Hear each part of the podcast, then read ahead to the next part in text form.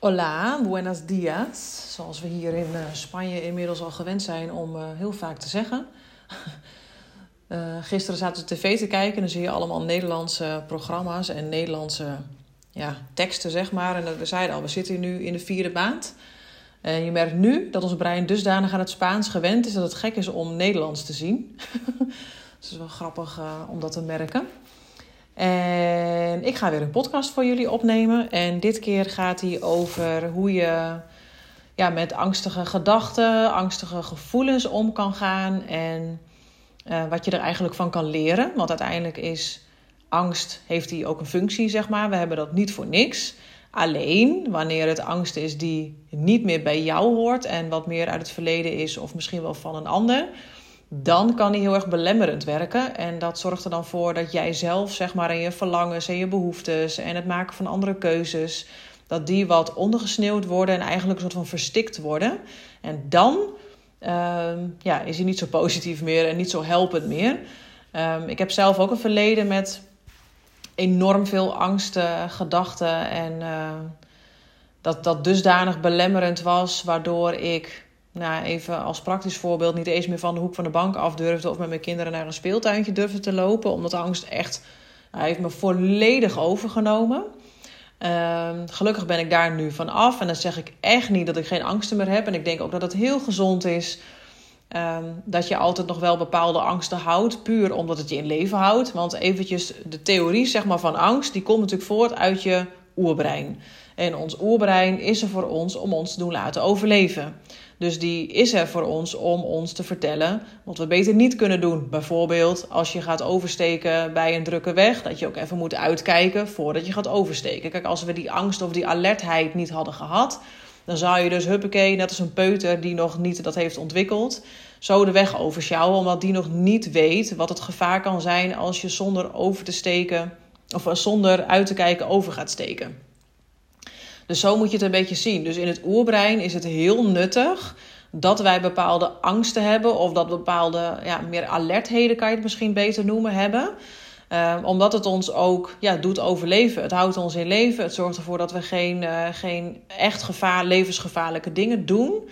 Maar nogmaals, als het angsten gaan zijn die niet relevant zijn, zeg ik dan. En daar bedoel ik mee dus dat ze niet van jou zijn of dat ze ja, niet terecht zijn. Hè? Als je bijvoorbeeld bang bent voor een, uh, voor een vlinder. Nou, we weten allemaal dat we niet doodgaan als, als een vlinder op ons gaat zitten. Maar we kunnen daar wel heel erg bang voor zijn. Of nou, wat misschien een algemenere fobie is, bijvoorbeeld spinnen. En we weten allemaal dat je niet doodgaat als die spin uh, over jou heen kruipt. Maar we kunnen er wel heel erg bang voor zijn. Nou, dat zijn eigenlijk bepaalde angsten die dus niet te maken hebben met overleven.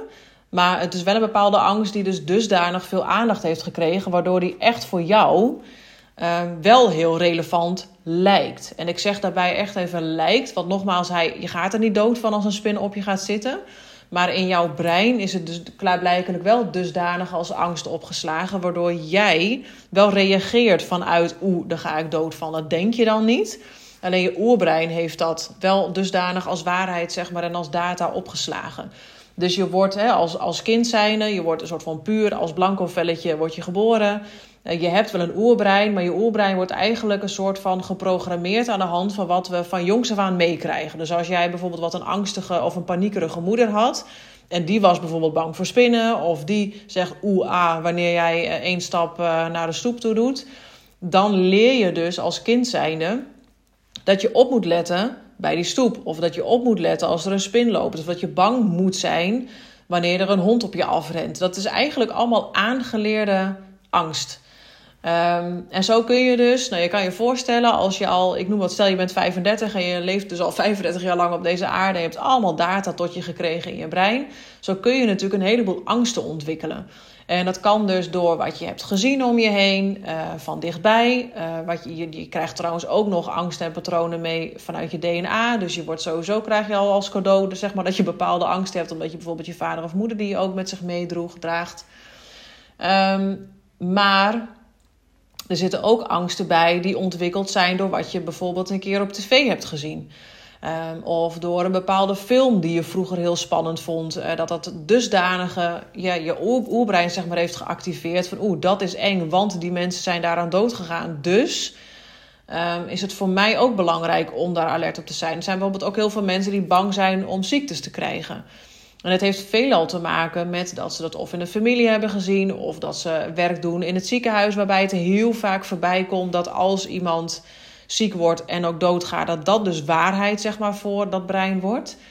Um, en heel vaak daaronder, als we het over dit onderwerp hebben, zit er ook nog een deel van angst voor verlies. Weet je, want uiteindelijk is natuurlijk ook het het eh, bang zijn voor uh, ziektes krijgen, dat je doodgaat. Of dat je je gezondheid verliest. Of dat je je partner verliest. Of dat je je kind verliest. Nou, of je moeder of je vader. Of, of wie dan ook maar in je omgeving. Uh, dus die, het is nooit zo simpel eigenlijk als dat het klinkt. Omdat er altijd heel veel andere lagen nog bij komen. Die maakt dat die angst dusdanig als waarheid in jouw brein is opgeslagen. Maar voor jezelf is het dus interessant om te kijken: hey, waar ben ik dan echt bang voor? En op die manier, als je daar even wat dieper induikt, dan kun je er ook goed achter komen: hey, is het aangeleerd? Is dit gewoon genetisch, eh, zeg maar, heb ik dat meegekregen? Is het van mijn moeder? Is het van mijn vader? Is het vanuit wat ik een keer op het nieuws heb gezien? En heel vaak zijn we niet bewust, zeg maar, van het moment dat die angst erin is gezet.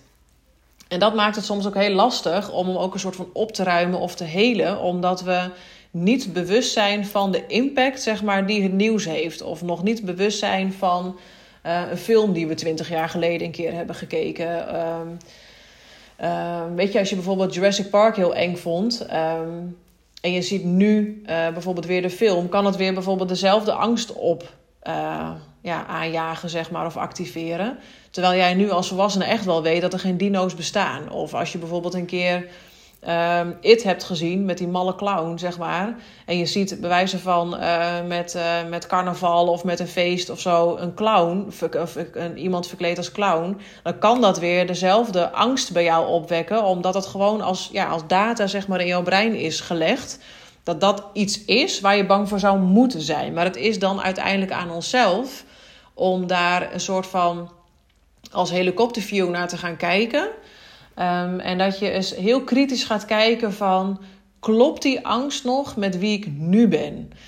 Um, en mag ik hem laten in het verleden? Of is deze echt waar ik nu nog echt bang voor moet zijn? En heel vaak is het antwoord dan nee. Want heel vaak dragen we nog angsten met ons mee die nu niet meer relevant zijn. En dan wordt het dus heel erg zonde als je je eigen leven meer wil creëren. En als je keuzes voor jezelf wil gaat maken, dat je je tegen laat houden door eigenlijk angsten vanuit het verleden die jouw toekomst in de weg zitten. En daarom is het zo mooi als je in die, dat bewustzijnsproces zit, omdat je dan bewust wordt van hé, hey, waar komt het vandaan? Waar kan ik hem laten? Moet ik hem dan nu nog serieus nemen? Is het antwoord nee. En dan kom je op de volgende belangrijke stap uit, dat je dus ook daadwerkelijk keuzes gaat maken en dingen gaat doen tegen die angst in. Dus wel doen waar je hart blij van wordt. Wel doen zeg maar, waar je hart sneller van gaat kloppen. Omdat je dan een soort van nieuwe data in je, in je brein kan gaan aanleggen. Um, die dus een nieuw bewijs of een nieuwe waarheid voor je wordt.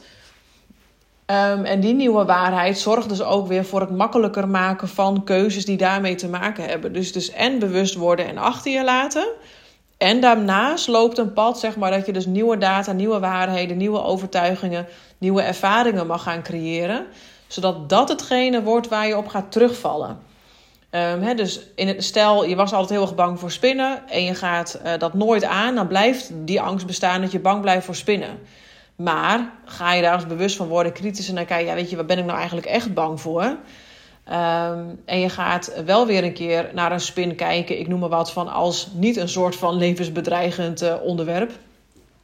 Dan wordt de kijk, zeg maar, op die angst of op die spin al anders en vriendelijker en rustiger. Um, en vervolgens ga je bij wijze van wel eens een keer die spin aanraken of loopt hij op je heen en merk je bij jezelf misschien eerst de primaire reactie van oeh, weg. Maar stel je laat hem wel eens lopen en dan heb je dus de ervaring: hé, hey, hij bijt niet, hij vreet me niet op, ik ben er niet dood van gegaan, hij loopt gewoon over mijn hand en vervolgens loopt hij ook gewoon weer weg, gaat hij zijn eigen ding weer doen. Die ervaring, die is helend en helpt jou om dus wat minder bang te hebben spinnen, omdat je een positieve ervaring zeg maar daarmee hebt gehad. En dit is nu eventjes het, het spinnenvoorbeeld, maar deze gaat eigenlijk op alles. Dus wil je voor jezelf gaan? Of wil je ander, ergens anders gaan wonen? Of wil je een andere baan? En merk je dat daar bepaalde angsten bij naar boven komen? Ga dan eens eerst even specifiek naar die angst kijken. Van hé, hey, waar komt die vandaan? Wat voor overtuiging is dit? Is die overtuiging wel van mij? En de belangrijke vraag is dus: helpt die mij momenteel naar het leven wat ik wil leven of houdt hij me tegen? En wanneer je daar bewust van bent, ben je dus ook gekomen tot het meest mooie wat er is. En dat is keuzekracht. Want dan heb je de keuze om te gaan kiezen voor wat je altijd hebt gedaan met dezelfde uitkomst, wat je dus eigenlijk niet meer wil. Of ga je een weg creëren die jou wel brengt naar wat jou wil. En die mag je dan voor ogen houden. En ja, dan moet je daarvoor voor weerstand heen. Want je brein gaat natuurlijk aan alle kanten stagneren. Maar nogmaals, hoe vaker je die weg gaat pakken. Hoe meer je beloond wordt, hoe meer je energie gaat stromen, hoe minder angstig je bent, hoe meer uh, levenslust je ervaart. Waardoor je dus veel minder bang gaat zijn om nieuwe stappen te zetten. Omdat je inmiddels ja, jezelf een soort van nieuwe data hebt aangeleerd. Um, waardoor het ook makkelijker is om die keuzes te maken.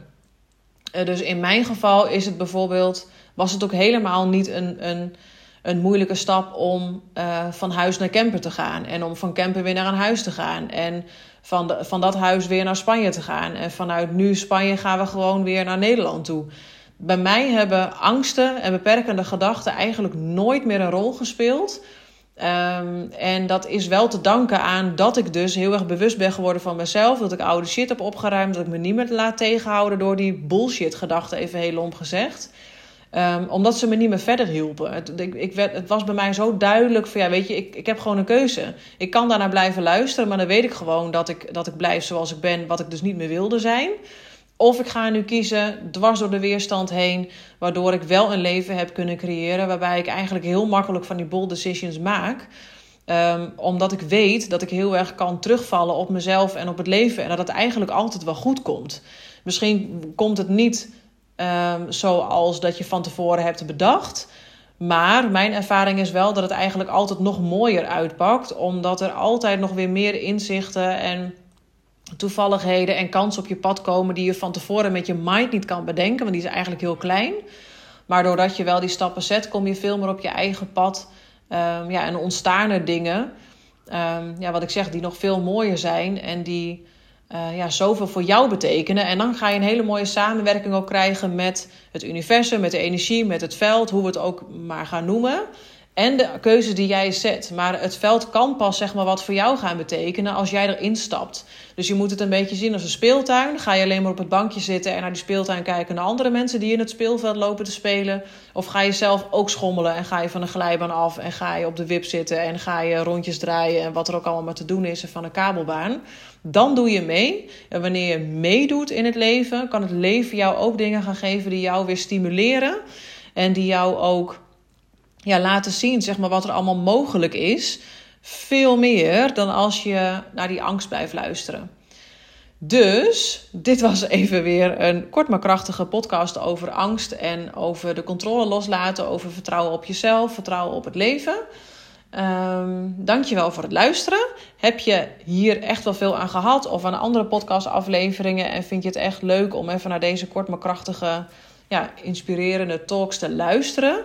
Um, vind ik het heel leuk als je even een ranking achterlaat. Dus dat je een eh, review geeft, kan je heel simpel doen door op die sterren te klikken. Of dat je mijn podcast deelt in je stories. Um, dat doe je mij een heel groot plezier mee. Um, en daarbij help je daarmee andere vrouwen ook naar nog meer bewustwording, waardoor er meer vrouwen gaan opstaan en gaan doen waarvoor ze echt bedoeld zijn. En ik geloof er heel erg in dat als we dat meer met z'n allen gaan doen, ja, dat je niet alleen voor jezelf iets heel moois creëert, maar ook voor je gezin als je dat hebt, voor de mensen om je heen en op grotere schaal de wereld. Hey, dankjewel voor het luisteren en tot de volgende keer.